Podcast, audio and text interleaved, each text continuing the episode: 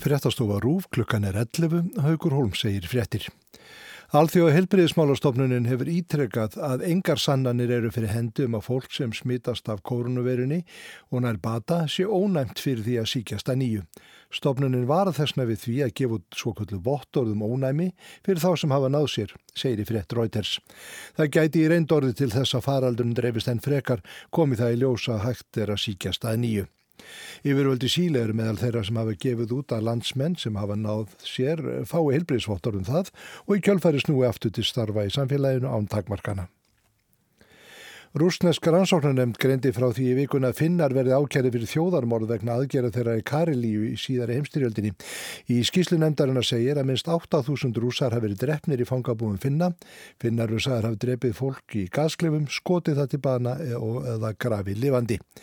Frettastofan finska ríkisútarfsins Íle hefur eftir Jussi Núortefa stjórnanda þjóðskjálasaps Finnlands hún er ekki miður að rússar leggja þessar ásakanir fram sem staðrindir. Engin skjöl séu til sem stýðja við málverða.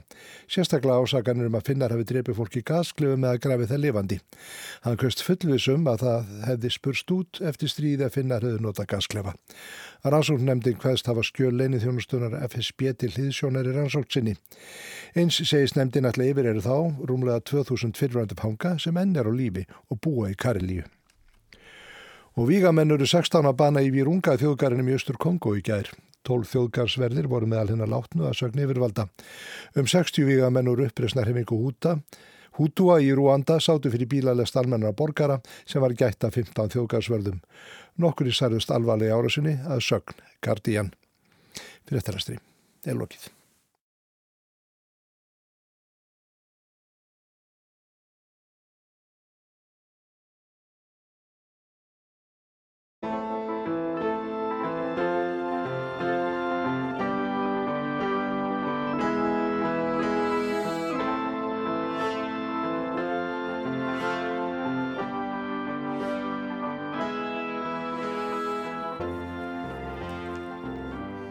Komið í sæl og velkomin hingað í vikulokkin, fyrsti þáttur á nýju sumri sem að brosi við okkur hér fyrir sunnan og hefur heilsað norrlendingum ágætlega þó að þar hafi kannski heldur kólnað.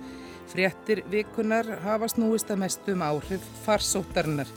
Er, þau byrtast á flestum sviðum en það var þó gleðilegt að heyra í gær að enginn hafi greinst með smitt þann sólarhengið þar á undan þó að menn var líka fljótt til að segja að það mætti ekki leggja of mikið í það og menn verði enna hafa allan vara á. En gæsti þáttarins í dag eru þau Ástildur Sturldóttir, bæjastjóru Akureyri sem er í hljóðstofu fyrir Norðan og hér í útvarsúsinni eru þau hjá mér Ingi-Björg Ólafsdóttir, hótelstjóri á Hótel Sögu og Jón Þór Þorvaldsson, flugstjóri, formaður félags íslenskra atvinnufljómana og varaþingmað miðflokksins. Gleðilegt sumar, öll sumul. Gleðilegt sumar. Svona stjóra, öll stjórar, öll stjórar í dag.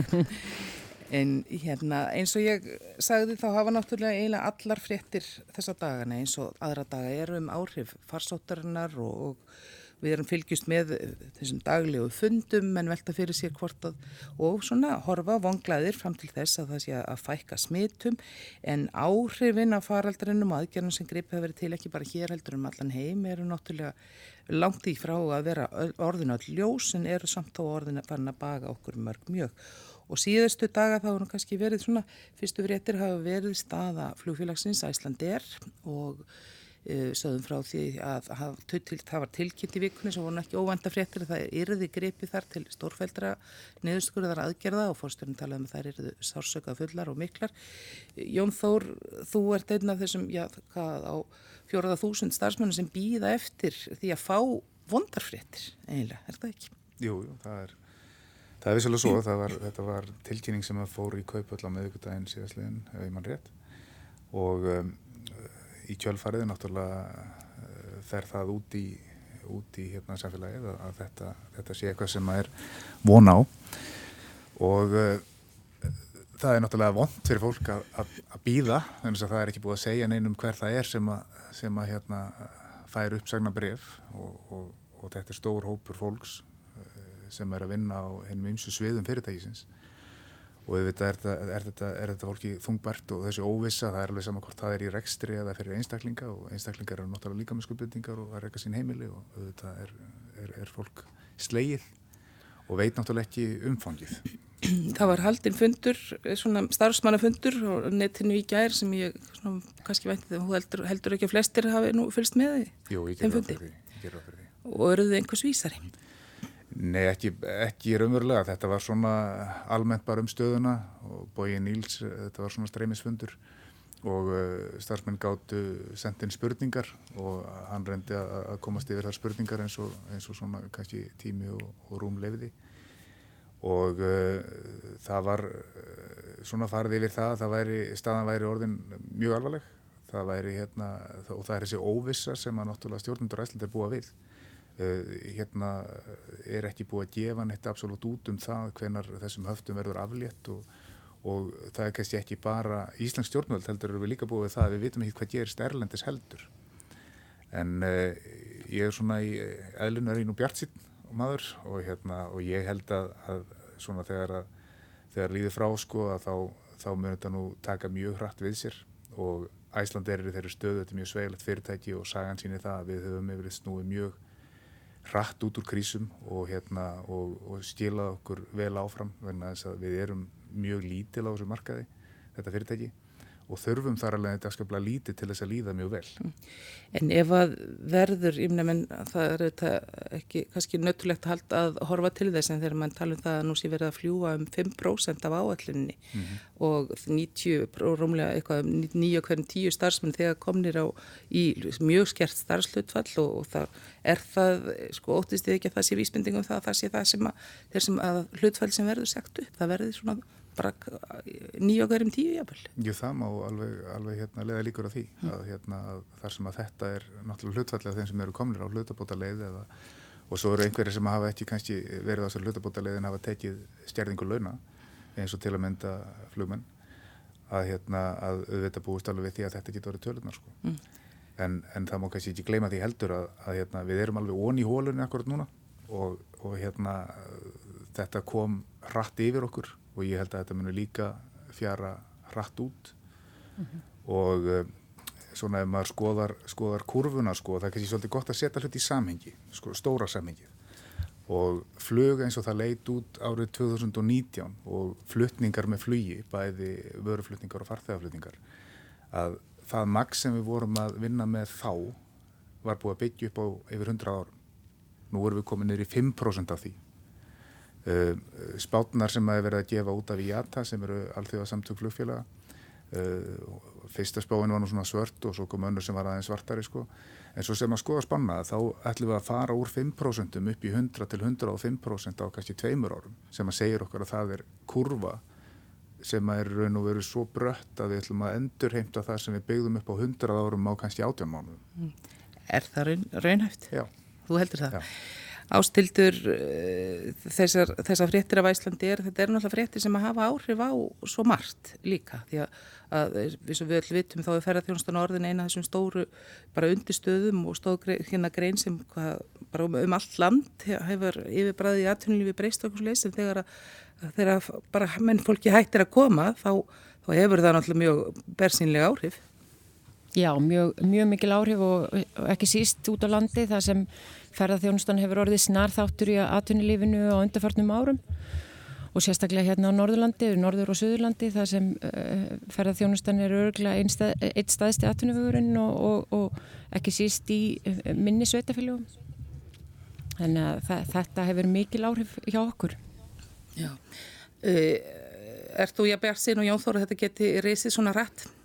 Já, ég, ég var mjög glöð að heyra hvað hann er bjassinn og ég er sömulegðis að Ellis væri mjög bjassinn manneski og ég er sannfarinn það að við náum að snú okkur út úr þessu eins rætt og við höfum snúð okkur út úr öðrum krísum hinga til. Og ég er alveg sannfarinn það að, að Ísland mun ekki tapa vinsaldum sínum sem áfangastæðir ferðamanna og uh, við munum, ekki, við munum sína það á sanna að við getum uh, snúð okkur rætt niður úr krísunni og koma okkur hratt upp og, og náða okkar fyrir styrk. Hmm. Íngi Björg, menn tölur náttúrulega um það og það var það allir bljóstunum fljótlega að ferða þjónustan var kannski það sem að kipta okkur upp úr hólunni hérna síðast. En hvað, hvað, hvað gerist nú sko? Þú nú verður bara að setja upp hérna spátum skleruður. Sko. Já, maður kannski segja að við sem að stýrum svona starri fyrirtækjum urðum fyrir mjög miklum vombriðu með aðgerra baka tvöða sem var kynntur í síðustu viku og, eða í vikunni og ég, svo ég tali bara fyrir sjálf á mig, ég hugsa, hugsa sér margir sem hafa verið í þeim spórum að það var svona ákveðin dóði eftir þann fund. Að því að sagt, væntingastjórnunin var þannig að það kæmi eitthvað sem myndi gera aðtunurreikundum kleft að, að setja fyrirtækin í einhvers konar dvala uh, hvort, hvort það sé ölluleiti eða, eða hluta og, og svona halda allavega einhverjum gangandi áfram. Af því að ég er líka bjart sín en forsenda þess að við getum reysið mjög fljótt upp úr, upp úr þessari hólu eða þessum öldudal er svo að það séu að það sé eitthvað súrefni inn í fyrirtækjunum þannig að það sé hægt að kveikja bara takka og byrja. Mm. að því að fjölda gjaldþrótt þau leiða það af sér að það verður miklu miklu hægari uppgangur En er það, sko, hvernig hefði það getað orðið? Nú er náttúrulega nú þegar komið inn þessi, þessi hlutabótuleg sem var auðvitað sett upp sem menn voru kannski bjart sínir upp að þegar hún er komið á með hana, hún er eitthvað sem átt að gilda núna út mæ sko, og þó að það væri með mögulegri framlengingu. Þegar að svo koma þangað ja, 30 og eitthvað þúsund umsóknir sem eru komnað þar inn, sko, er það raunhæft að halda, hefði það verið eitthvað að halda því áfram og er það raunhæft? Sko það, það sem að gerist Eh, eins og Æslandi er að fljúa 5% er að hótelin eru í rauninni að, að operera, sko það er 1% nýting hjá okkur til dæmis í april svo ég takki mitt fyrirtæki og við erum ekki að ná 5% um að tekjunum okkar frá því fyrra það sem gerist er það að ferðarþjónustu fyrirtækinn þau fara nýr í null á mjög skömmum tíma. Þannig að, að hlutabóta leiðin hún gagnast ekki vegna þess að þú getur í rauninni ekki greitt laun þegar það eru engar tekjur. Og Við höfum séð það frá, frá sömur nákvæmna þjóðum að það er verið að hækka þetta hlutfall og jafnvel, jafnvel alveg að núla það út sem gerir fyrirtækjunum kleift að halda einhverju lámarks starfsemi mm. og vera með lítinn launakostnað sem gæti haldið einhverju súrefni áfram og líka að sumum fyrirtækjum get, geti bara verið gert klifta að leggjast í eins og oft hefur verið nefnt. En samt að það sé einhver starfsemi því að til þess að við förum eins og ég sagði á þann rætt upp úr svona dal þá þurfum við að vita hvað er að gerast út á mörkunum við þurfum að finna hvað eru tækifæri. Og í gjaldfrúta fyrirtækjum er engin að fylgjast með því. Mm -hmm. en, en, en þegar við bara horfum til þess að það komu tvær miljónir ferðamanna hingað í fyrra eitthvað svo leiðis og þegar þeir bara ef að, ef að þeir nánast hverf hurfu allir á, í einu vetfangi sko það er eiginlega hvernig á að halda þessu gangandi? Bara er það þessi, þú talar um hýði að með bara loki nánast og býði svo bara átækt en séu samt ennþá með fólki einhverjum tengslu við sig? Einhverjum tengslu við sig af því að við vitum það að þessi krísa, allra krísa eins og stundum hefur verið nefnt að hún á auðvita eftir, sko við, við komumst ekkit öll út úr þessari krísu, við veitum það vel mm -hmm. en, en við þurfum að passa að það séu nægilega sterkir innviðir og ekkit bara í Reykjavík heldur bara út um allt land það er búið að taka svo langan tíma að byggja þetta upp og það er mjög stutt síðan til dæmis vetraferðamennskan var í, í, bara alls ekki til á Íslandi og út á landi var lokað mm. stóna hluti ásins þannig að það er, sko, það er til svo mikils að vinna að reyna að halda einhverju lífi í ferðarþjónustunni til þess að hún, að ég er alveg sammála, ég, ég er líka bjart og ég held að þetta verði mjög hratt upp á við og það sem skiptir mestumáli þar er það að við erum með svo mikla viðáttur fólk er ekki endilega að fara á Times Square akkurat núna og kannski ég eppil ekki til finna einhver tíma kannski, mm -hmm. en núna vil fólk fá viðáttuna Heldur að þetta séu tækfæri? Ástildur, já. Ég já, ég held að, ég held að ég myndi að fá að koma inn í þetta, þetta er, ég held að þarna liggi okkar tækifæri og okkar styrkleikar og e, ég held að það verði alltaf öðruvísi ferðamennska e, núna á komandi árum heldur en hefur verið og eins og Yngibjörg nefnir að við verðum ekkert endilega í fenum eða Times Square. Fólk vill vera í víðóttunni, það vill vera út í náttúrunni, það vill vera á stöðum þar sem það veit að sóttvörnum er fyllt og uh, það sem er, já það getur treyst heilbreyðskerfinu og treyst innviðunum. Og ég held að við höfum alveg sínt það að, að, að það er hægt. Og að við breytum samtalenu og breytum sko konseptinu hvernig við bjóðum okkar land. Þá held ég að við getum átt mikið samkemnisforskott á aðra þjóðir þar. Jón Þór, þessi þessi mikli uppgangu sem að varði flýjunu, það er alltaf bara fjölga gríðalega fólki sem að hefur til dæmis lært að fljúa og þetta hefur verið svona fólk sjá þetta sem stórt tækifæri og miklu möguleika en mm. heldur að það mun ekki hverfa eða er draumurinn að fljúa hérna skýjum ofar sterkur alltaf? Um, já, það, það er nú þannig held ég að, að sko, og allavega þekk ég það á mínum hópi að sko langflestir flugmenn hafa ástriðu fyrir flugi, þeir hafa ástriðu fyrir því að fljúa og eðnaðinum öllum sko, hafa mikinn áhuga á því sem er að gerast í, í fluguðinað og hvort sem að það er bara varandi ferðamennsku eða rekstur flugfélaga, framleiðslu flugfélaga, uh, hvað er að gerast á mörguðum, ráveru mörguðum, af því að flugið er þannig að, að það er svo ofbóðslega, hvað var að segja, sko næmt. Það er að segja, allt hefur áhrif á flug. Ef að, ef að, hérna, ef að það siglir hérna orustu skip inn á, á sundið um, hjá Tævan sko, þá, þá getur það haft áhrif í flugi. Mm. Ef það kemur faraldur einhver staðar þá hefur það áhrif í flugi, ef það verður einhver spenna í milliríkjaviðsýttum þá hefur það áhrif í flugi, faraldur og, og, og svo náttúrulega það sem gerist innanlands á hverjum og einum. Og það er það sem gerir hennan yðnað skemmtilegan. Látið er ekki skemmtileg. Skiljið, það, það, sem, það sem er lifandi er skemmtilegt. Ja. Og það er, mér er svolítið gaman að, hérna, að kannski ræða líka og, og ég er svo sammála þessum, þessum hérna, stúrkum sem að sitta hér með mér í þættinum að, að það eru gríðarlega tækifæri og ef við bara spurjum okkar að því ef við ætlum að fara í ferðalagi sumar uh, myndu við vilja fara til Feneiga eða til Mívas bara í ljósi aðstæðana Já, það er náttúrulega aldrei spurning hvort þú vilt fara til Feneiga eða Míva Já. En er Nei, skilur hvað ég veit, þetta er, þetta er kannski, þú veist að fólk kemur til með að velja sko, fólk vil ferðast, fólk, það er ákveðin þörf skilur, auðvitað, auðvitað myndi að hafa áhrif á efnahag þjóða og það verða einhverjir sem kannski þurfa að sitja á sér í einhver tíma og meðan fólk er að ná hérna til að komast á lappinnar aftur. En það verður samt sem áður þörf fyrir að ferðast. Mm. og fyrir okkur hér á Íslandi að þá held ég að kannski grípa það sem Ingebjörg var að segja hér áðan að þá stiftir þetta svo rosalega miklu máli að sko Æslandi er flugiðnaðurinn stendur undir 11.000 störfum beinum, mm -hmm. 72.000 afleitt störf Já. á Íslandi og við erum að tala um 7,5 miljard sem að, hérna, dollara sem að þetta er ekki af okkur gjaldiristekjur og við stöndum undir 38% hérna, af landsframlegslu þessi, þessi, þessi flugtengdu störf og, hérna, og eðinaður sem slíkur og við mögum ekki gleyma því að það eru gríðarlega markaðir sem að treysta á flugi líka eins og bara sjávarútuður við erum að, að flytja út hér ferskar sjávarútuður á gríðarlega verðmæta markaði. Og þess vegna held ég að, að, hérna, að það þurfum kannski að skoða það í stóra samhenginu þegar það er að tala um hvernig sé komið að þessum fyrirtækjum og hvernig sé passað upp á innviðina að þeir grótna ekki niður þó að komi hérna eitthvað nokkur að vikna tímabil sem er, er erfitt að við erum að passa upp á það hvernig ætlu við að komast út úr þessu og meira en minna er alveg öruglega réttast rækket í hann í dag. En ef maður setur nú hérna svona sem svartsýnispúkinni í hodninu, sko, þá, þá erum við náttúrulega, menn vita ekkert hversu langur tímin er framundan, sko, við það, bara svo ég vitni nú aftur í fórstjóna sem talaði um, já, þrjá mánuði, sex mánuði, nýju mánuði, jável kannski lengur og uh, ykkar, bara flugfólk, það, þetta er fólk sem þarf að halda við, halda þjálfun og öðru slíku, þannig að þetta eru, þetta eru flókið að, að ráða fram úr því líka. Gríðalega. Og munum en sko sitja og býða eftir því að koma svo aftur að ef því, fólki sem hefur sagt upp. Já, það er allavega, það, það er svolítið merkilegt allavega með atvinnuflugmenn að hérna, margir atvinnuflugmenn eiga, eiga mörg uppsænabref í sínu fartæski, þrjú til átta og sem er fleiri og, og við erum orðin vanir því að missa vinnuna tímabundi og sérstaklega kannski fyrst ár starfsæfinar uh, margir sem hafa verið að missa vinnu tímabundið á hverju ári, fyrstu 7-8 árin í sínu starfi.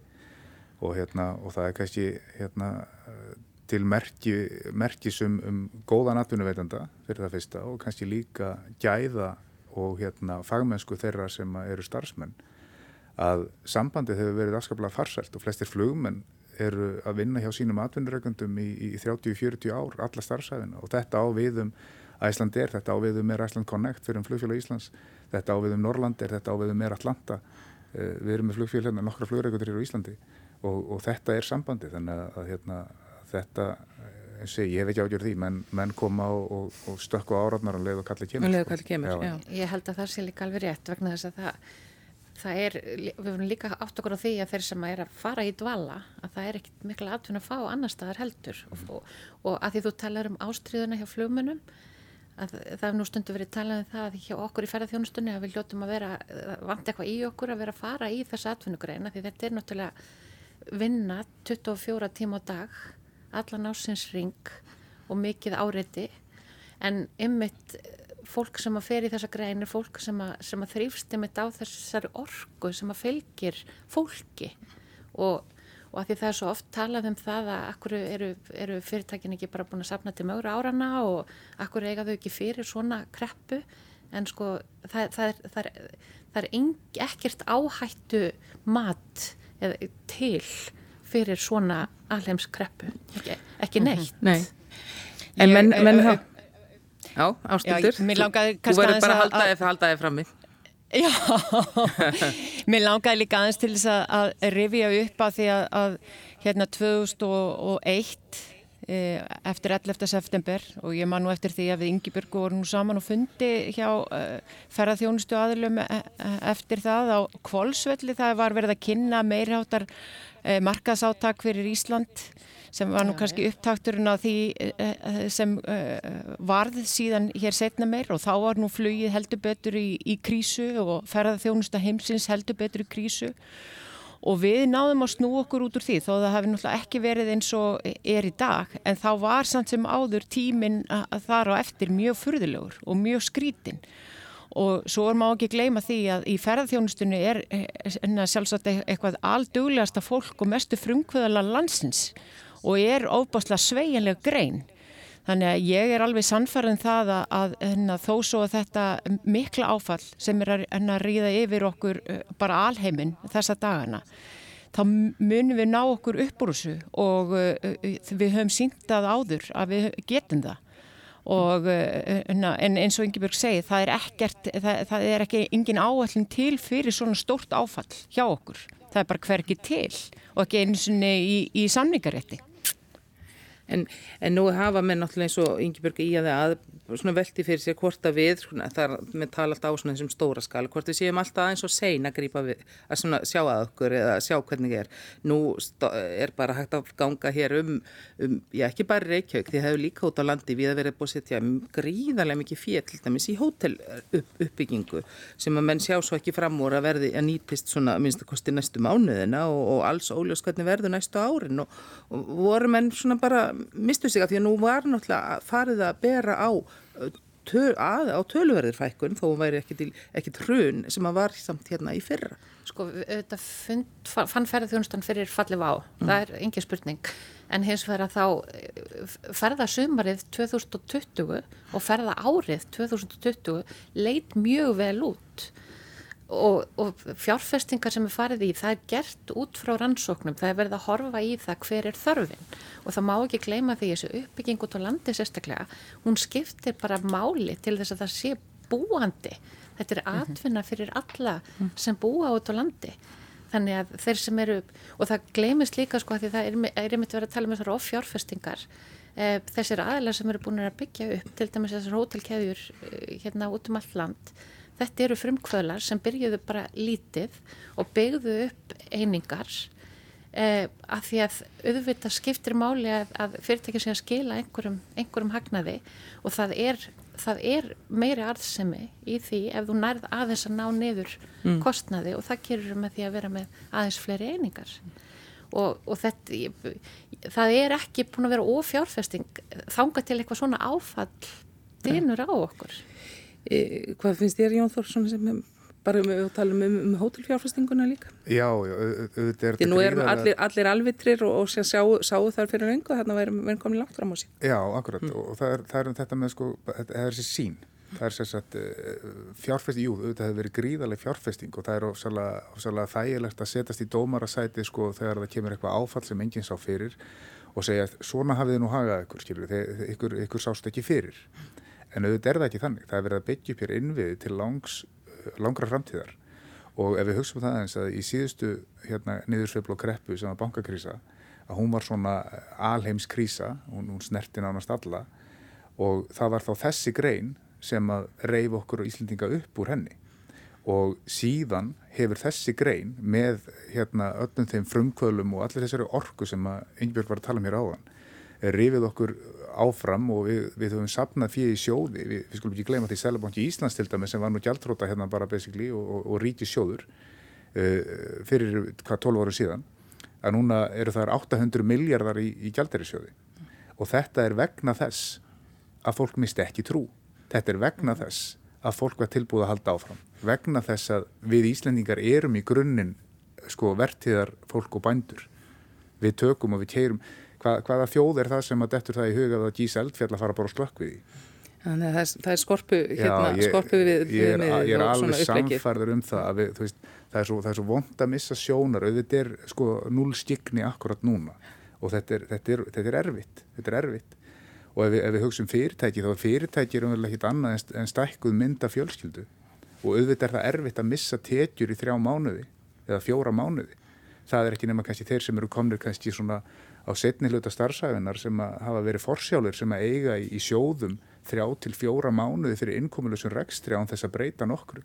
En flestir myndu samt sem áður kannski leggja öðrum bílnum eða segja upp áskrift á einhverjum hérna, einhverju sem að væri afturreying eða eitthvað svona, maður myndi kannski trimma svolítið niður sem rekstur.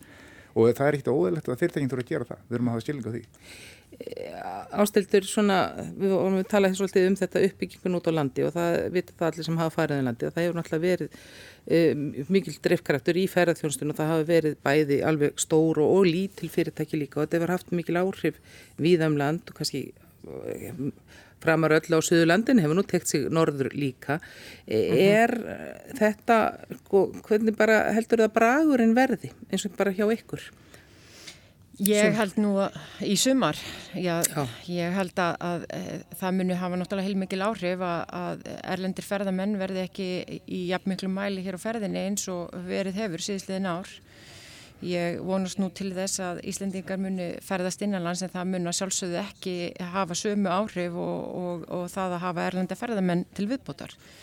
E, e en við erum að, í raun og veru að fara 20-30 ára aftur í tíman fyrir ferðarþjónustuna allavegna á næstu mánuðum. Þannig þú veist ég held að þetta verði bara mjög erfitt og, og mjög töff eins og hefur verið líst eins og bæði Ingi-Björg og Jón Þóra hafa líst og þetta verður hérna, flókið fyrir mjög marga og flókið fyrir marga frumkvöla og, og það hefur nú bara hingað til verið þannig að það hefur verið erfiðara fyrir e, fyrirtæki út af landi að, að fjármagna sig. Og þess að skiptir svo miklu máli að, að bankarnir og byggðastofnun komi mjög röstnælega að og og séu með þólumótt fjármagn og það er það sem skiptir greiðlega miklu máli. Og fyrirtækinn fái e, súrefni til þess að reyna að halda sér á floti í, í gegnum þetta mm. Og það, það verður að gerast. Yngi Björg vekaði hérna áðan að svona, hún vinnur hjá stóri keðju og þar hefðu menn mhm. verið svektir með það sem kynnt var í byrjun vikunar, svona hefðu, mhm. -huh. hefðu gert meiri væntingar, enga síður er þetta náttúrulega mjög miklu fjármenni sem við verðum að tala um svona í heldina, þegar allt er uh mhm. -huh. talið, það hleypur á 100 miljardar og hvað, svona, hvað fannst þér? Já, ég, hérna, ég ber þá trú í brjósti að það, hérna, það sé nú ekki búið að kynna allt enn og það var nú að fórsið morgunblassi morgun sá ég að það er þið nú alltaf tíu aðgerðapakkar. E, já, ég var fyrir vonbröðum með það að það ekki komið meira í, fyrir ferðarþjónustun og allavegna að það væri gefið undir fótinn með það en ég er alveg sannfærið um það að það verði og það verður að gerast því að þetta er náttúrulega staðsti aðtunugrein þjóðarinnar um þessar myndir og hefur verið það núna síðsliðin ár og, og eins og nefnt var að, að hefur heldur betur aðstofið við það að, að, að sapna gældrisvaraforðanum hérna til okkar og rétt okkur við eftir hrun.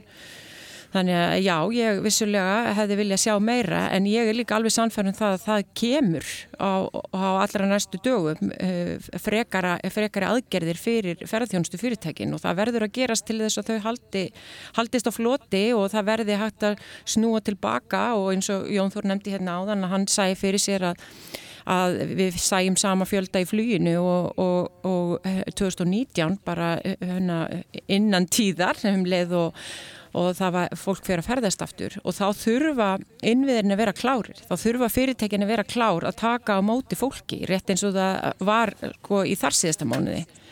Og það er búið að fjárfesta svo mikið í, í markastarfi og innviðum og, og, og já, innviðum og, og þjónustu, ekki bara í Reykjavík, heldur líka út á landi að það, það er fjárfesting sem, sem verður að nýta og uh, þarf að vera til staðar til þess að koma okkur aftur á stað.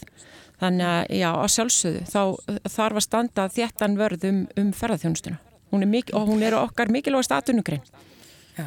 Klukkan er að verða hálf tól, þau eru hérna gæsti mínir í vikulokkin, þau ástildur Sturludóttir fyrir Norðan, Ingi Björg Ólafsdóttir og Jón Þór Þorvaldsson sem seti hér í útashúsinu og við höfum verið að tala um ferðarþjónustuna og aðkomur ríkisins og, og Jón Þór, eh, menn hafa talað um það, sko, að með Æslandi er svo við höldum áfram, komum alltaf afturfanga, að eh, fórustu menn félagsins hafa talað um það að það stæði mjög vel, það væri sterkt og svo leið, það var náttúrulega dönið á því ímis áföll bara eins og allt sem við höfum heyrt af í sambandi við maksfélagarnar og allt það hafði, heil mikil áhrif.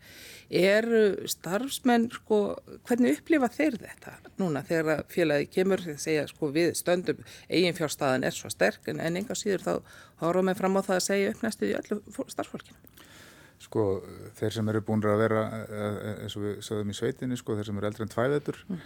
uh, þeir vita það að þessi yðnaður, þessi grein eins og ég kom inn á hérna áðan hún er, hún er hérna, hún býr við mikla sveflur og við vitum það að Æsland er stóð mjög vel mm. en núna er það nú kannski að, að horfa til verri vegar og vegna þess að það náttúrulega hef, hafa ekki verið með tekjur núna síðan, síðan í, í byrjun mars raunverulega og, og það gengur hratt á sjóði þegar þú ert með svona mikla starfsemi í gangi. Þannig að þrýr mánuður er bara ekki nóg? Já, jú, það getur kannski verið nóg en það er kannski, það er kannski ekki, sko, ekki átjósanleg staða að vera komin á hnýin mm. þegar að þeim tímapunkti kemur og það er ekkit óðurlegt að, að hérna, stjórnundu fyrirtækisins leiti eftir því að, að fá nýtt fjármagnin í fyrirtækið vegna þess að það er ekki kannski það besta sem að þú gerir við fyrirtæki er að skuldsetja það alveg í drep þegar þú ætlar svo að fara að spilna við. Og ég held að það sé svolítið sem að þarf svona þannig að maður fari kannski alvarlega nótunar að, að það, núna reynir á þá sem að eru leiðtóar að gefa skýr merki um það hvað þarf og hvenar og það á ekkert að býða eftir því. Þannig að ég myndi allavega sjálfur ef að ég sæti í slíkum stóli sko að þá myndi ég frekar vilja hafa gert þau mistök og hafa gert þau mikið heldur en of lítið. Vegna þess að ef þú gerir of lítið að þá ertu kannski búin að valda skada sem er óbætanlegur og til margra ára. Og hverjir eru það sem eru þá að halda þessir höndum og mikið eða hægt við að gera það? Það er, það er náttúrulega bæði er það á hendi stjórnenda fyrirtækjana eh, bæði í ferðarþjónustu og Æslandi er alveg eins og annara en það er líka á hendi þeirra sem að, e, eru og ganga um sagt, völd í, í ríkinu sko. Mm. Er, og, og þetta eru þetta samtal og þetta eru, þetta eru, hérna, þetta eru, þetta eru ákveðin leikjafræði ef við getum, getum orðaða sem svo að það þarf kannski, það þurfa allir að vera tilbúinu til þess að taka ákveðin skref og, og starfsfólk fyrirtækjana eh, er að taka skref, skilur á móti sínu fyrirtækjum. Og, hérna, og það er allir tilbúinur á áratnar, ég, ég skinnja það eftir að hafa tala við aðila úr kannski öllum þessum greinum. En hérna, en svo kannski þarf á einhverjum tímanpunkti þarf einhver að stígu upp og segja, herru við gerum þetta svona. Ingi Björg, eh, þú talaði um það þið voru fyrir vonbreiðum, talaði um kannski verið tíu pakkar, þetta sé bara byrjunin þegar sem hefur verið kynnt í tvennar eða þrennar aðgerðir svona eftir hvernig við horfum á það, en um leið þá eh, talaði, var rætt til dæmis hérna við ferðamálar á þeirri vikunni sem sagði að, að fyrirtækin, eins og Jón er kannski að vísa í svolítið, þau gætu ekki beðið þá lengi, þau gætu heldur ekki bara beðið eftir að sjá hvað kemur frá einu ofinberra, það verður menn að taka sína sásakafullu og kannski, kannski sásakafullu ákvarðanir sjálfur. Já og, og, og það sem gerðist eh, að því eins og Jón Þór bendir á allt í hennu bara í byrjun mars að þá hætti, hætti all viðskipti og hætti bara að koma peningar í bankan og þegar það gerist og, og þessi hluta bótaleg kemur þá fara allir á hana með alla sína starfsmenn af því á þeim tíma er það einfaldasta lausnin og líka ökonomiska lausnin að gera. Núna þegar það kemur ekki, þegar ástandið hefur í rauninni bara, bara dögnað, að þá setja mann uppi með alla starfsmennar sína á 25% launum og ekkert í, í bókinni til þess að borga. Um, við, við fórum þá mjög sásökafullu leið að, að segja upp helmingnum að starfsfólkinu okkar og, og það var bara gert að allir sem að voru með mánuðið að minna í uppsagnarfrest þeir fengu uppsagnarbref og eh, það sem er kannski erfiðast fyrir okkur stjórnundunda er, að, er að, að, að hérna, fylgjast með þeim klára sinn uppsagnarfrest núna í april með brósáður og, og þjóna þessum fáu sem er að koma til okkar. En, en ég get líka sagt að hér að sko með hlutabóta leðinni eftir fyrsta mæja þá, þá erum við með 17 stöðugildi til þess að að reyka hóttasögu og ég hugsa allir þurfa að fara í einhverja svona aðgerðir en það þarf þó að gera fólki kleift að segja að strömlínur lagar eksturinn á einhvern hátt vegna þess að eins og, eins og þetta er núna að þá segjur upp fólki og þá, þá er þryggjamanað uppsagnumfrestur á fullum launum sem eru auðvitað eðlilegt í eðlilegu árferði mm. en við erum bara ekki í eðlilegu árferði mm. og þar, þar koma ymitt leiðtóðanir inn og þurfa að stíga svolítið myndalega inn í, inn í þennan pakka. Mm. E, við verðum alltaf verið að tala hérna mjög mikið um ferðarþjónustuna en, en rótinavöllu er þessi, þessi pest sem að lagðist yfir allt saman og, og til þess að breyðast við henni þá hefur alltaf verið gripið til alveg og dæmalauðs yngripp, segnilega það að vera að stýra bara svona daglegu lífi fólks út um allan heim og hérna hjá okkur líka og og það er bara, það er ekki nokkur, nokkur maður sem hefur, finnur ekki fyrir þessu á einhvern hátt. Þó að sumir hafi nú komið fram og farið eitthvað vittnum þá Facebook að þeir séu greinilega alltaf í sótt kví vegna þess að þeir sé, sé, hafi ekki svo mikil áhrif á það. Ég held að það, jábel þeir séu nú finnir nú hvað flestir fyrir þessu. Er, sko, nú verða einhverja breytingar eftir um að viku haldið þið að, að svona okkar samfélag takir stakkaskiptum þá ástildur Já, ég held að það muni gera það algjörlega. Og við höfum nú verið að horfa til þess að, að eh, svona líta til framtíðar. Þrjá, sex, eh, tól mánuði við verið að setja söðstjórnum okkar fyrir hvernig við sjáum framtíðina í sveitafélaginu og, og hvernig við, hvaða breytingar við, hvaða breytingar við viljum halda og hvaða breytingar við viljum halda í, sem hafa orðið á starfseminni og ég held að það verði gríðarlega breytingar og starfsháttum bara almennt í fyrirtækjum og, og stofnunum og við getum uh, uh, nýtt tæknina miklu meira en við höfum gert hinga til og það hafa orðið alveg stórkoslega breytingar í þjónstu við fólk á mjög skömmum tíma. Það er svo margt hægt í dag sem var ekki hægt sko fyrir uh, sex mánuðum síðan, nei, sex veikum síðan. Veist, og þá er ég að tala um að, að e, hugurinn hjá okkur hefur tekið svo miklum breytingum. Við, okkur finnst ekkit lengur vandamála að vera á fjárfundum eða, eða vinna heima eða veist, gera alls konar hluti sem mátt ekki tala um og uh, þannig ég er alveg sannfærað um það að við munum breyta okkar starfsáttum mjög mikið. En svo má ekki gleyma því að, að það, það get ekki allir bara mætt í vinnuna fjóruða mæ eins og ekkert hafi í skorist. Við þurfum ennþá að huga að að eh, fjöldatakmörkunum og ég get til dæmis ekki haft alla í ráðhúsinu á sama tíma, alla starfsmennina í ráðhúsinu á sama tíma.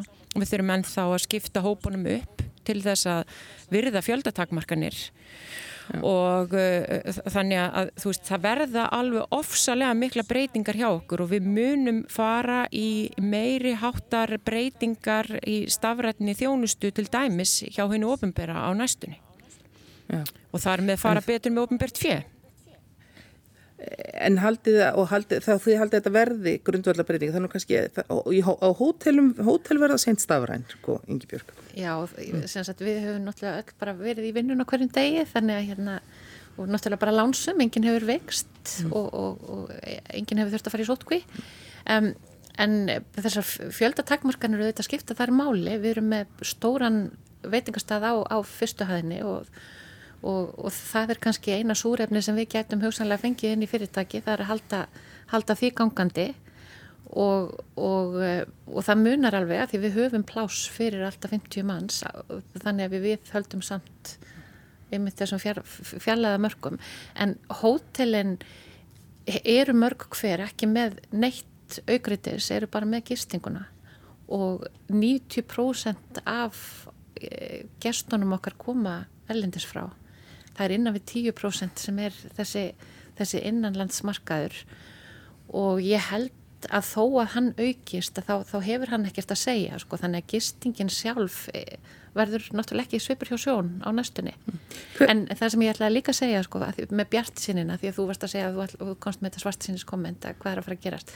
Það, það er líka pressa á alheimsvísu vegna þess að hagkerfin eru í sárum og það er pressa á alheimsvísu að reyna að finna einhverja löst til þess að koma hagkerfinu á stað aftur mm. af því að heimurinn hefur heldur ekki efna á að láta þetta dragast á langin allt og lengi mm. og þess vegna náttúrulega er dásamlegt að sjá hvað, hvað Íslandikar hafa tekið höndum saman í, í að standa sig af því að þá vonandi verður þetta eitthvað sem við getum notað sem, sem markastakja svo við töluðum um á það Jón Þór, heldur þú að verði svona langtíma breyting á bara hátterni og hegðun fólks?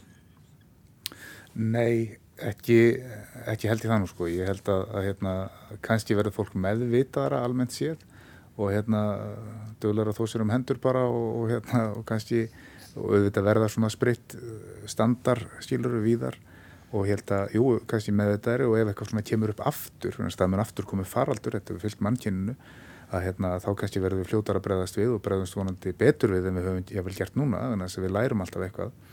En það má ekki gleyma því að maðurinn er sko félagsverða og við þurfum óbúslega mikið á hvert öðru að halda og það er ekkert gaman að vera á fjarfundum sko það er, þú veist, það, við viljum hittast og þið sjáu bara eins og bara í heilbriðistjálfunni já, já, já en, það, en það er kannski bara gaman svona núna því að tæknin er ný sko. Ástildur vil öruglega hitta einhvern sko Já, já, ég vil alveg hitta fólk en, en ég held að þetta, spar, þetta spara hins vegar tíma og peninga Jón Þór.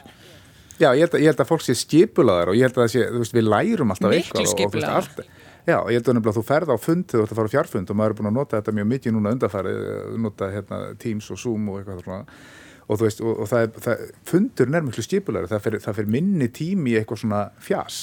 Já, eða, eða mas eða, veist, eða, eða það er bara, já, ég minna, þú veist, við erum bara að koma okkur á efninu, klárum það og getum snúið okkur á öðru.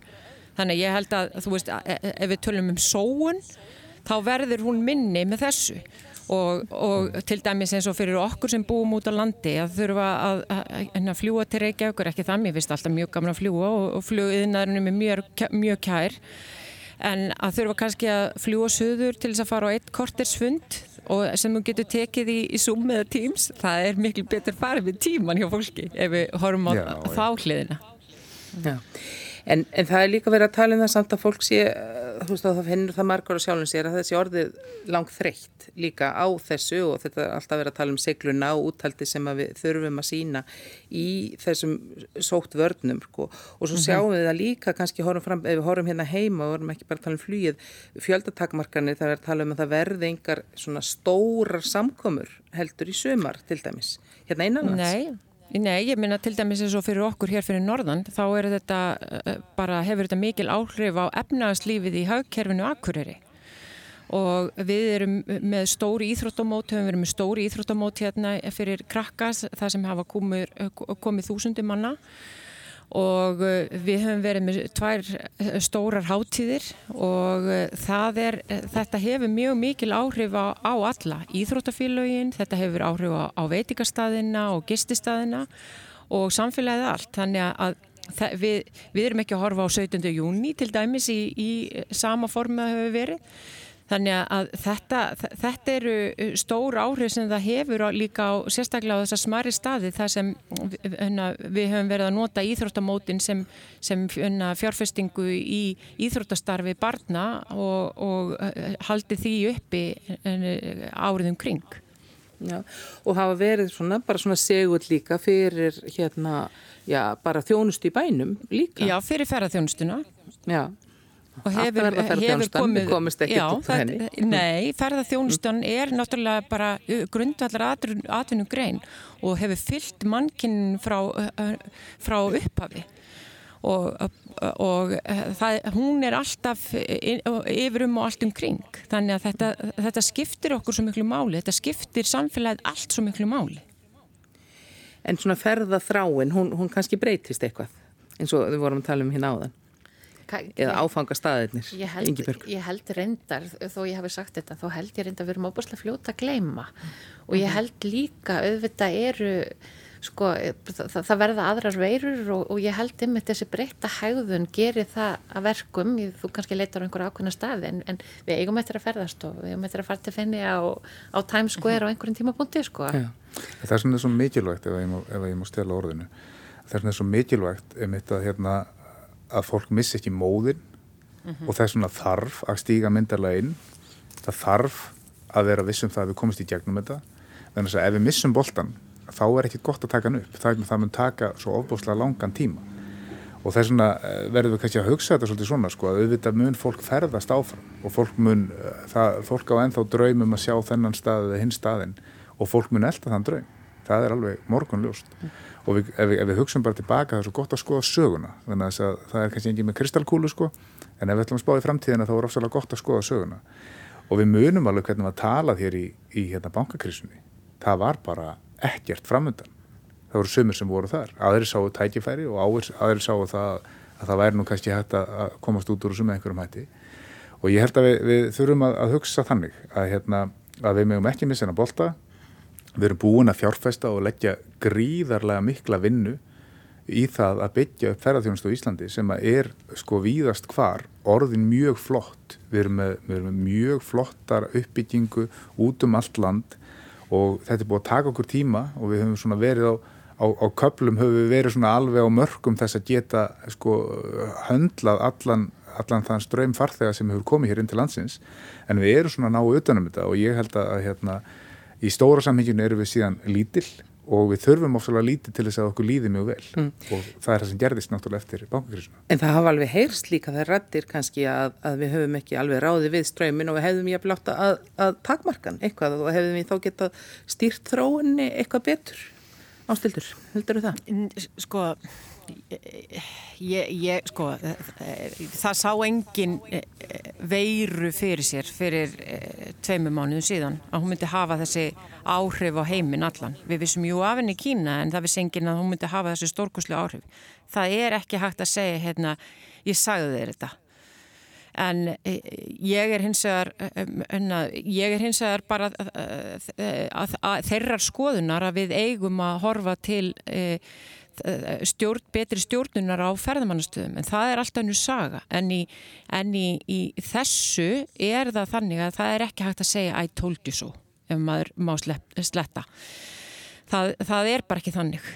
Og uh, við munum ferðast öðruvísi, við munum gera hlutuna öðruvísi, við munum jú örgla á einhverjum tímpundi fara í, í ámarmarka staði en það eru tækifæri í þessu og ég tek undir við erum fljóta að gleima og frumum minni virðist vera að vera þannig að við, við gleimum því sem er erfitt sem betur fyrr til þess og þá getur við lifað af og tekist á við erfiðar hluti og tekist á við lífið að nýju og ég er alveg sannfarið að við munum gera það og uh, það, það, þetta verður flókið næstu mánuði við þurfum öll að, að láta af í ymsum, uh, ég ætla ekki að segja lúksus, bara eðlilegu lífi sem við höfum talið okkur lifa en það mun breytast en svo verður þetta betra, verð, þetta verður betra þegar á, á, á líður. Mm. E, það er einhvern veginn sem að mann bara valla hvað var í, í fréttum þess að vaktið svona, kannski svona, já, þæginlegan kunnuleik þegar það var lítil frétt sem var í sjóarpunni gær sem var um gæsir sem að er að býta nýgræðingin og spilla túnum. Þetta var einhvern veginn eitthvað svona já þessi, þessi frétt, hún er líka alveg ágætt En fannst þér ekki góð fréttir um tveir ferðamenn sáust við mýva? Ég fannst hún líka mjög góð. En hún var svona sumuleiti kannski myrkari sko, ja, þetta var náttúrulega ekki gleði frétt með gæsirnar og nýgræðingin en er eitthvað svona sem sko, hugsiði stundum bara um það hvað hva, hva, þegar? Nei, sko, það er svo skrítið, þetta er búið að vera stuttu tími í rauninni eða frá því kannski svona í byrjun mars. Og allavega, ég tala fyrir mig að þá, þá, þá er óskup lítið sem hefur komist af einhvern veginn í haustnum annað en þetta, bara hvernig ætlum við að komast í gegnum þetta, hvernig getum við gert þetta? Ég með nýjan stjórnaformann, sko, hann fær tölvuposta fram í 2-3 ára dag, það með þetta eitthvað í hug. Og hérna tekur því nú vel blessaður. Um og allur tilfinningaskalinn og, og að því það er svo ofbúslega mikið í húfi eins og talaður um, þetta eru fjölskyldur þetta, eru, þetta, þetta er bara fólk að því að atvinnugrinni byggðu upp engungu á fólki. Launakostnaður í atvinnugrinni hann er 50 og jáfnveil 60% sumstaður sko, að þetta er allt fólk. Mm. og við erum alltaf bara að hugsa hvernig getum við komist sem, sem bara skást út, út úr þessu. Um, en svo held ég bara í þessu ferli þá verður maður líka bara aðeins að reynsa fortalaba, var ekki langan göngutúr þannig að maður nái að hætta hugsa um þetta og hlusta á fugglasöngin og, og hérna og ég mitt gaman að að sjá gæsafréttina, hótelið mitt er náttúrulega í eigu bændasamtakana, þannig að þetta snertir, snertir mig, þetta eru, þetta eru mínir eigandur, þannig að ég, ég, já, já. Já, Jón Þór. Já, ég tengdi mjög þess að frétti, ég er úr sveit sjálfur sko og fóröldra mínir eru bændur hérna við borgarferðið og, og hérna þar hefur bændum oft sviðið þegar hérna, þegar gæs og allt leggst á, á bæði nýgræðing og, og, og kottnagra og hérna og stundum hefur verið talað um að menn takki hagatóll það er að segja að menn hafi, menn hafi skotið, skotið á gæsina og, og veða tímbil og haustinn og þá sé verið að taka hagatóllin fyrir það sem var skemmt var um sumari sko. en hérna, en hvað við vorum að tala um áður en að COVID kom til það er, það er eitthvað það sko, við, sko í dag er, er það umhverju fjölmiðla er orðið svolítið breytt og mjög breytt það er allir konum með fjölmiðli í vasan, það er allir konum með snjálfsíma og það er alls konar fréttir og og við erum einhvern veginn þannig gerða að við klikkum alltaf á, á hérna, þessar fyrirsagnir sem eru neikvæðar og svona eh, minn okkar er, er hérna léleitt, það er alltaf gott að koma hérna á þann fram sko að við værum fljóta að gleima og það er alveg rétt. Og ég fór svona að hugsa þegar fór að tala um þetta hérna, já, um hvað vorum við að tala? Vorum, vorum við ekki að tala um lofslagsbreytingar og vorum við ekki að tala um eh, svona neyslu okkar mannkynnsins og við erum að leggja allt í rúst og þetta var svona, svolítið gaman að því að vera neikvæð og þetta sé alltaf fara til landskota en nú erum við allavega komið með svona, svona ef við, skrúum fyrir allt mm. og hvort okkur líður þá ekki vel með það við erum bara rétt að byrja þar sko. ef við höldum þessu áfram að þá er sko flugiðnaðurinn sem slíkur og ferðarþjónustan sem hún tengist að þetta er drivkrafturinn í heiminn ef við leggjum flugulunum, nú þá er allir bara komnir aftur í það að það eru bara landamæri og löndin loka sig af og það hugsa bara hver um sig og svo verður stutt í það að það verður einhverjir brjálaðingar í pólitík sem að þetta það í huga það sé best að sækja sína hagsmunni eða verja með einhverjum mm. ráðum sem eru já, ekki gerð með pennum skulum við segja og ég held að menn eftir að hugsa það við, við þurfum bara að vera, vera jákvæð við þurfum að hugsa eins lengra, við þurfum að horfa upp úr hólunni og, hérna, og, og, og bregðast bara myndalega við við hérna sem eiga sjáu, sjáu er gerast í Evrópu og í Bandaríkjunum og Skandinavi, nú eru ríkistjónir að koma bara beint inn með fjárstuðning við flugfélug. Af hverju ætlaði þessi verið að gera þetta? Ef að Lufthansa sem er sterkasta flugfélag í heiminum ef að það er að fá ríkistöðning vegna sem það baðum ríkistöðning og ef að ríki veitir í stöðning þá hlýtur að vera vegna sem fjárflugfélagið er, er, er, þís, er Þískalandi mikilvægt. Mm. Hvað myndir það segja um Æsland er? Ég myndi segja nöðsynlegt. Þú myndi segja það. Myndi segja það. En það er saman gerast í Hollandi og Fraklandi og við erum að sjá þetta hjá, í Skandinavíu, við erum að sjá þetta í Finn, Finnlandi, við erum að sjá þetta í Bandaríkunum, sko í, í hérna, vöggu kapitalismas. Mm. Þar stýgur ríkið inn með myndarlegum hætti og það er verið að verja markaði, það er verið að verja störf, það er verið að, að, að verja hagkerfin. Og þetta er þess að skipti máli, það, bara, það þarf bara að taka og segja þetta. Já. En svo við, þannig svona fyrir að stýttast í þessu hjákun og þá ekki alveg búin, en við, við nefndum, þú nefndir hérna fréttina sem fljúk, fara á flug, eitthvað svona, það er sem ofta er neikvæðir. Það var nú einn frétt sem að Já, fór nú ansi við það hér í gæri og það voru yfirlýsingar bandaríkjaforsta um hérna, hvernig þetta bregðast við veirunni sem hann núna segir að hafi verið sagðar í kaltæðinni og hálkæringi og enginn skildi það. Nú stundu talaðum það á fjárfundunum þá skiljist kaltæðinni ekki.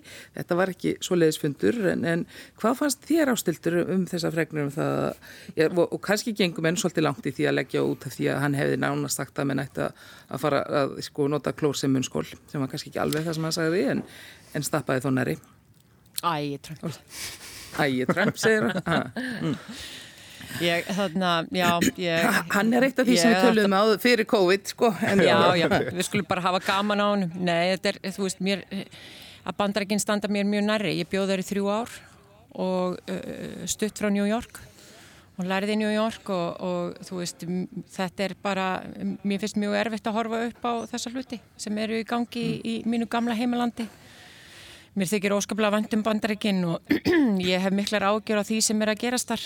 Og uh, mér brá yllilega þegar ég sá myndir frá New Hampshire í vikunni þar sem menn voru gráir fyrir hjárnum og uh, þar sem var enna rifið, þar sem var slagorðið var enna live free or die eða live um frjáls eða degjum sem er nú slagorðið fyrir Vermont fylki Og ég er hrætt við þetta og ég, ég var líka hrætt við það þegar að Trump í raun og veru var, var að hvetja fólk til borgarlegar og óhlýðni. Mér finnst það að vera, það að vera mjög alvarlegur hlutur þegar fórseti grýpur til þess. En eins og ég segi, bandaríkin eru, eru eru mjög mjög kær og, og það, það er líka sko við skulum heldur ekki glema því að, að margt af því sem hann segir þó að ef að einhver annar myndi segja það myndi sjálfsagt hljóma ágæðlega en hann bara hvernig fórsetin setur það fram það, það hljómar kjánalega, það hljómar mögulega öðruvísi heldur en er en það er, það er samt sem áður mér það eru stórkoslega alvarlega hlutir þegar, þegar pólitíkusar er að hvetja fólk til þess að gera einhverju hluti eins og, eins og hann gerði þarna sem eiga alls ekki verið rökastiðjast mm. en um, þú veist þetta er, þetta er eitt af þeim, þeim atriðunum sem ég hef ágjur af, það er náttúrulega hvernig samskipti þjóða verða í kjölfarið á COVID Við erum að sjá að það er að samkefni við það. Ég, mér finnst til dæmis að við höfum ekki nefnt að gefa bandrækjamanna til grænlendinga í vikunni sem er nú eitt atriði. Ég áttu nú fund með bæjar og borgastjórum á norðurslóðum núna í vikunni þar sem við vorum að ræða um áhrif COVID á, á samfélögu á norðurslóðum.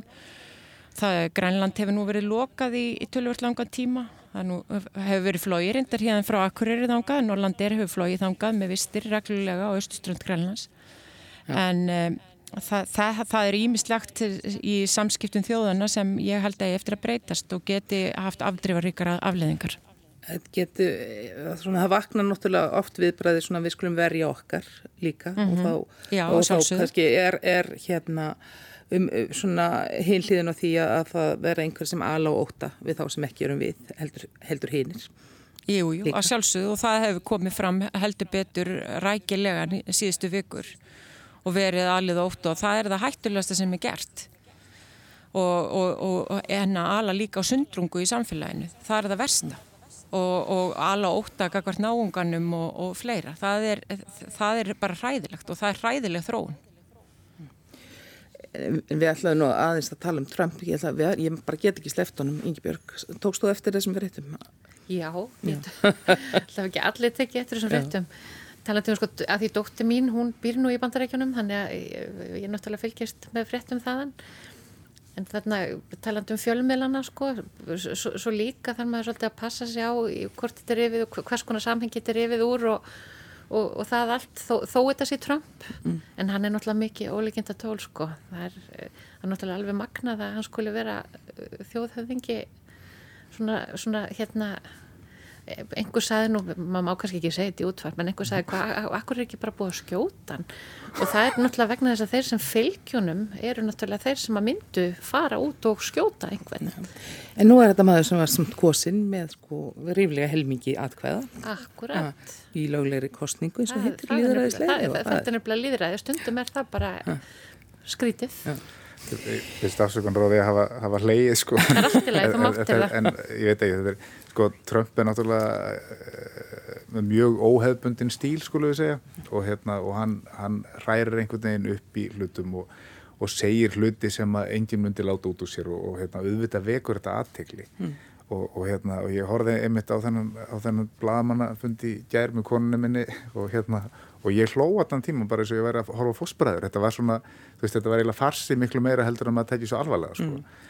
En, hérna, en auðvitað bera menn ábyrg sem er í svona stöðum. Og, hérna, og, og það, um, um það snýst náttúrulega máli sko. og ef að þetta er hans húmor að þá er þetta allavega ekki staðurinn til að vera til með þennan húmor. við, við en, hérna, en, það, en varandi þetta sko, þá, þá er kannski það sem við erum er svolítið að díla við Já, erum við búin. Þá erum við bara eiginlega búin og ég verða eiginlega bara að þakka ykkur, við erum bara að díla við, svo margt. Það er svo margt sem við þurfum að ráða fram úr en ég þakka ykkur kærlega fyrir komuna í vikklokkin, ásteltur Storldóttir, Ingi Björg Ólastóttir og Jón Þór Þorvaldsson. Veriði sæl. Takk fyrir.